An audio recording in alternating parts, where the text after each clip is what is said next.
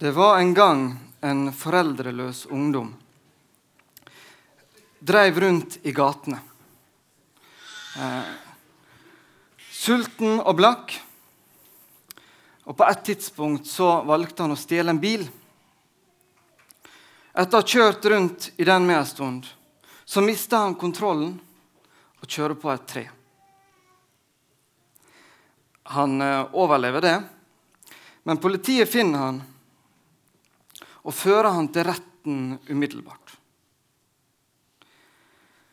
Det går ikke lang tid før det viser seg at det er dommeren som skal gi han dommen, som eier denne bilen han hadde stjålet og krasja. Det var ingen mulighet til å komme seg unna. Det var ingen tvil om at det var han som hadde gjort dette. Han ble forklart at han hadde to muligheter. Enten måtte han betale en meget dyr bot, eller så ble det fengsel. Men så skjer det noe. Denne dommeren han velger å gå ned fra dommersetet sitt, kommer bort til denne gutten, og så sier han til han, du har jo ikke penger, så du kan ikke betale denne bota. Så det er jo fengsel som er ditt alternativ. Men nå har jeg et annet alternativ til deg. Det har seg slik at sønnen min han er villig til ut av sin egen lomme betale deg fri. Men det er under to forutsetninger. For det første så må du anerkjenne det du har gjort så må du godta at denne sønnen min ordner opp for deg helt gratis. Og så for det andre så må du la meg få adoptere deg inn i min familie. Jeg må få lov til å bli faren din, og sønnen min må få lov til å bli, bli bror din. Dette vil ikke kreve av deg at fra nå av så må du leve noe perfekt liv.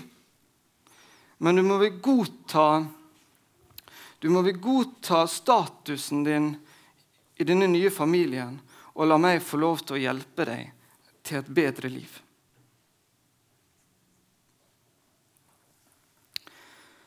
For 14 dager siden så snakka vi om det som skjedde i starten av første Mosebok.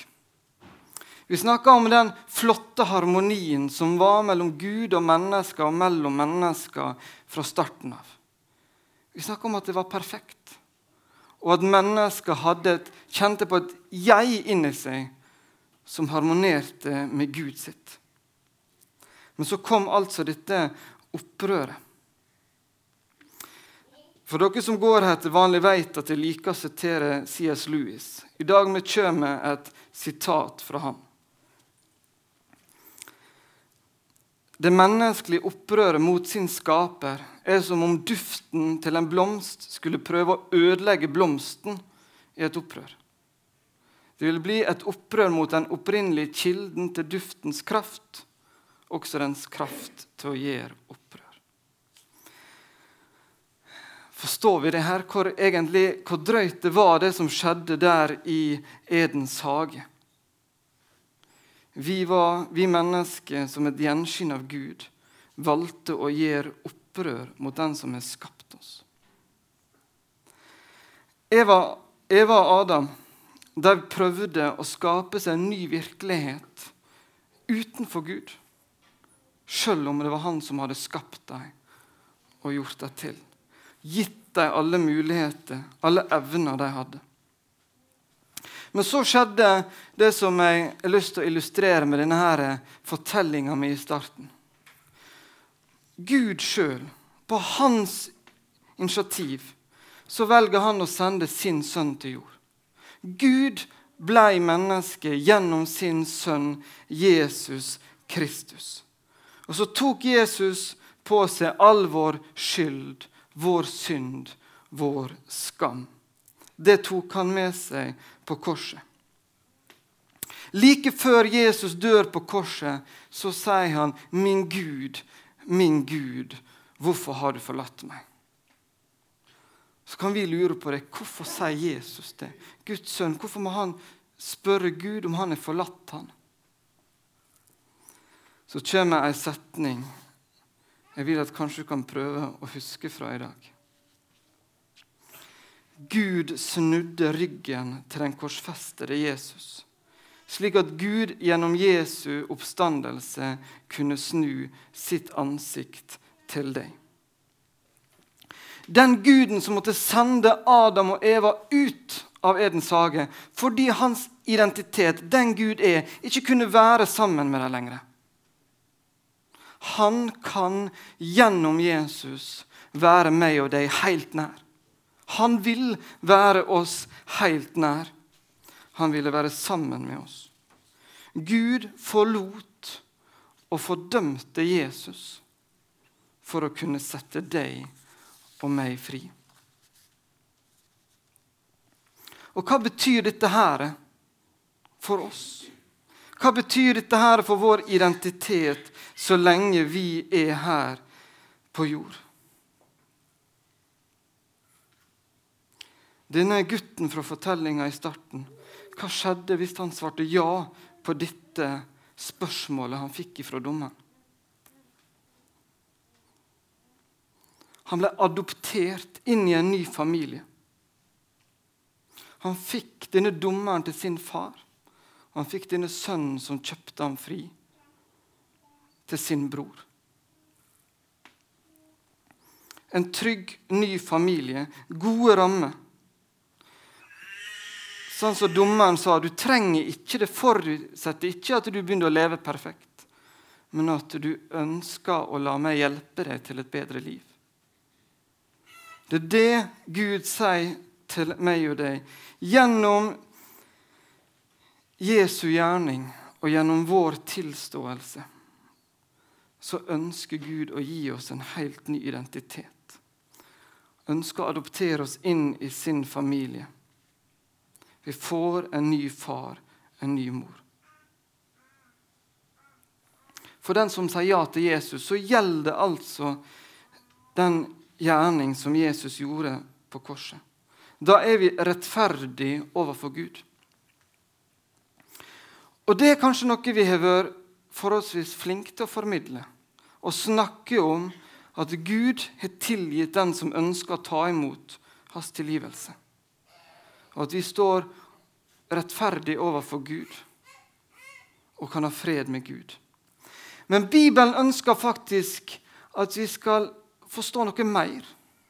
At det er mer enn en tilgivelse. Gud ønsker at vi skal få leve ut denne tilgivelsen. At vi ikke bare skal ha fred med Gud, men at vi også skal ha fred med oss sjøl. Fordi at vi blir adoptert inn i en familie. Det var ikke bare at dommeren skulle tilgi gjennom at denne sønnen betalte, men han ble tatt inn i en ny familie. Dette gjør noe med hvem vi er. Dette gjør noe med dette jeget som vi har inni oss. Jeg skal se på et par bibelvers. Fra Johannes 1.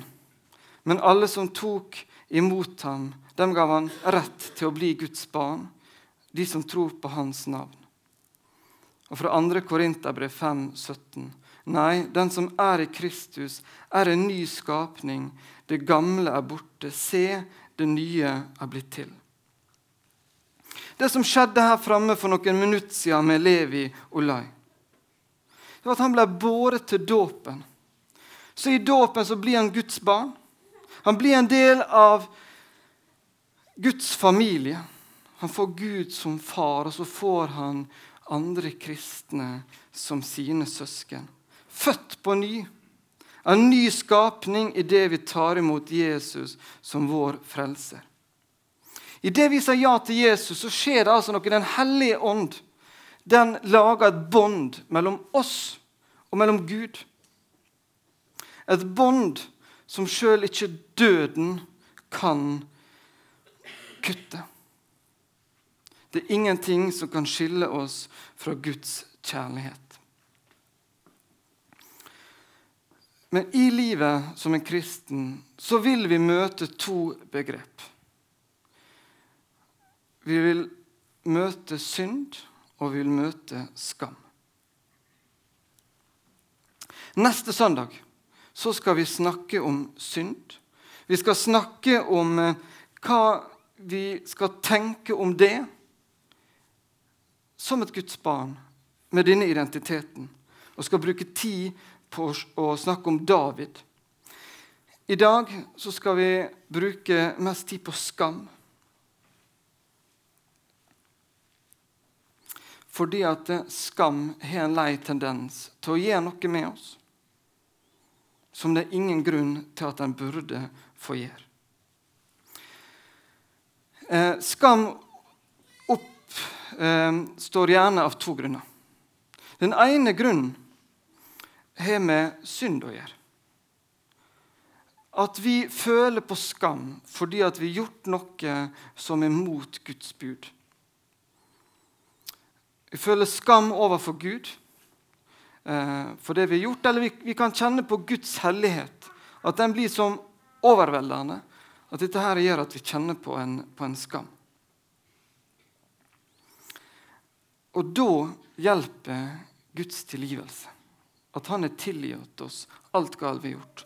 Men så kan skam oppstå av en del andre sammenhenger med. Gjerne fordi at vi har noen eh, forbilder som kanskje er litt for store. Vi setter noen standarder for livet vårt som vi ikke klarer å holde. Så kjenner vi på en skam fordi vi ikke får det til. Vi klarer ikke å være den vi ønsker å være. Og denne skammen har ikke med synd å gjøre. Det er ikke noe som Gud må tilgi, men han er like reell. Han kan være veldig vondt.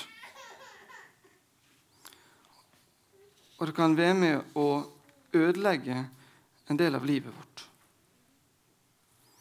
Men sjøl om at det ikke er Guds nåde, Guds tilgivelse, som skal til, så har Gud en løsning også på det. Fordi at vi lever i et samfunn som kanskje mer og mer blir prega av skam. Vi er opptatt av å ha disse forbildene som vi ser opp til. Noen sier at litt asiatisk religiøsitet blanda sammen med europeisk religiøsitet gjør at denne skammen blir ekstra sterk her. Guds løsning på skam det er å akseptere oss gjennom Jesus. Hvis du tar deg tid nå, så tenker du litt på det, så ser du at aksept, det å akseptere, er faktisk noe som går utover det å tilgi. Fordi at vi mennesker vi kan tilgi et annet menneske uten å ville ha noe med det å gjøre. Vi kan tenke at jo da, jeg kan tilgi deg, men det du har gjort, det er at jeg klarer ikke å være sammen med deg. Jeg, det stopper med at jeg kan tilgi. Vi skiller ofte mellom tillit og tilgivelse. Vi kan tilgi noen, men vi har ikke tillit til det. Slik tenker ikke Gud. Gud skiller ikke mellom tilgivelse og tillit. Han aksepterer oss fullt ut. Evangeliet går forbi det å tilgi. Det vil også akseptere oss. Jesus han stoppa ikke når han tilga oss alt gale. Han ville adoptere oss inn i sin familie, være sammen med oss. Uansett hva vi har gjort før, og hva vi kommer til å gjøre. Han elsker oss. Han vil kalle oss sin far. Han vil være sammen med oss. Dere husker kanskje fortsatt historien som jeg starta med. Denne dommeren satt en forutsetning for at kunne, denne sønnen kunne betale for han, det var at han fikk lov til å adoptere han. At han fikk lov til å akseptere han, til å kalle han sin. Vi skal ikke akseptere oss sjøl fordi at det er best sånn. Eller fordi at vi skal leite i oss sjøl og finne en grunn til å gjøre det. Grunnlaget for å akseptere oss sjøl, det skal ikke vi finne i oss. Vi skal finne det utafor oss sjøl. Vi skal finne det i Gud. Jeg kan akseptere meg fordi at Gud har tilgitt meg og akseptert meg for den jeg er. Han ønsker å bruke tid sammen med meg. Dette er basisen for min verdi og den jeg er. Jeg husker, Det begynner å bli noen år siden nå. Når jeg satt og kavde og skulle derivere for å finne kurver mellom etterspørsel og tilbud mens jeg studerte litt økonomi. Skulle finne ut hvor mye er noe verdt. Og det var at det er verdt så mye som noen er villig til å betale for det. Og slik har vi en lei tendens til å ofte tenke om oss sjøl. Hvor mye kan jeg bidra inn i denne verden?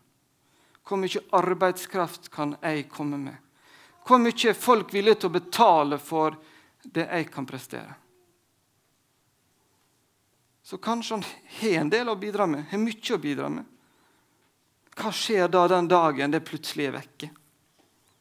Han ble sjuk. Hva skjer da med synet på oss sjøl? Verdien vår den skal vi finne utafor oss sjøl. Skal vi se at Gud han var villig til å gi sin sønn for meg og deg. Der er grunnlaget for vår verdi. Det må vi huske og har klart for oss. Og da snakker vi om en stor verdi. Geir Henning, dåpsbarnets far, han hadde en tale for, her for omtrent to år siden. Da han tok utgangspunkt i Onkel P sin ganske kjente sang 'Styggen på ryggen'. For Av og til så kjenner vi det som at det sitter en kar på skuldra vår og så forteller han at eh, du er ikke god nok. Du er ikke fin nok. Du er ikke rik nok. Du er ikke slik som du burde ha vært. Kanskje denne stemmen har til og med tatt fra deg frimodigheten, tatt ifra deg motet. Men gjennom det vi har sett på i dag, så skal du kjenne på at du kan rette deg opp i ryggen. Skal du løfte blikket, og så skal du kunne si Gud digger meg. Jeg kan få lov til å digge meg. Og det er på tide at dere rundt meg begynner å digge meg. Hvis vi fokuserer på Gud og det han har gjort for oss, i stedet for oss sjøl, så vil vi se at det er grunnlag for å si det.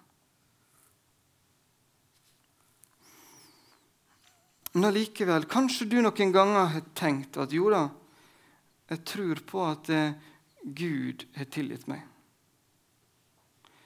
Men jeg sliter med å tilgi meg sjøl. Det kan være rimelig ødeleggende for livet vårt. Du hadde noen tanker om hvem du ville være, hva du ville få til. Hadde noen mål. Og så ble ikke det slik. Kanskje det var én ting, en stor ting i livet som du går og tenker på. Havna i gjørma. Det ble ikke slik det skulle. Så går dette her og gnager og gnager. Du klarer ikke å tilgi deg sjøl for det her. Eller kanskje noen litt mindre ting. Men det skjer stadig vekk. Du tenkte at dette her må jeg klare å, å få legge bak meg, men det kommer igjen. Og så blir ikke du kvitt det. Du går der og føler at 'jeg klarer ikke å tilgi meg sjøl'. Men dermed skal du få lov til å tenke på det vi har sett på i dag. At Gud har akseptert deg. Når du er tatt imot Han i Jesus, så har ikke Han bare tilgitt deg. Men han er akseptert han er adoptert inn i sin familie. Og det som der ligger og plager deg, og som du ikke klarer å tilgi deg sjøl for, det med var med opp på det korset der når Jesus døde for deg. Og du må nok si det noen ganger til deg sjøl. Det er ikke sikkert det hjelper første gangen, men prøv fordi det hjelper. Av og til skulle jeg kanskje ønske at vi hadde en sånn trylleformel, men det er ikke det som skal til. Du må se på Jesus, og så må du tenke ja, han tok det med på det korset. Jeg skal få lov til å legge det bak meg. Jeg skal få lov til å tilgi meg sjøl, for han er tilgitt meg, og han har akseptert meg og tatt meg inn i sin familie.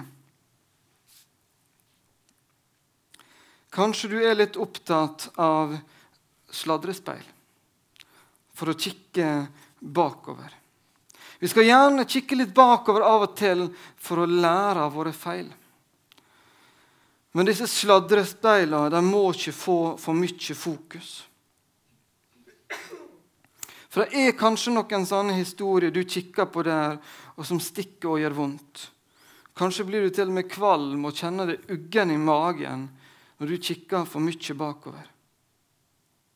Men du skal få lov til å si det også har Gud tatt. Han er tilgitt han har akseptert meg. Det er faktisk borte. Gud vil at vi skal legge vekk disse sladrespeilene våre. Så ønsker han å gi oss en stor, flott frontrute. At når vi ser på han, så skal vi få lov til å rette blikket framover så skal vi få lov til å smile. For hvis vi har forstått det budskapet som Gud har til oss om skam, så har vi det beste i vente. I Jesus Kristus så er du tilgitt, og du er rettferdig.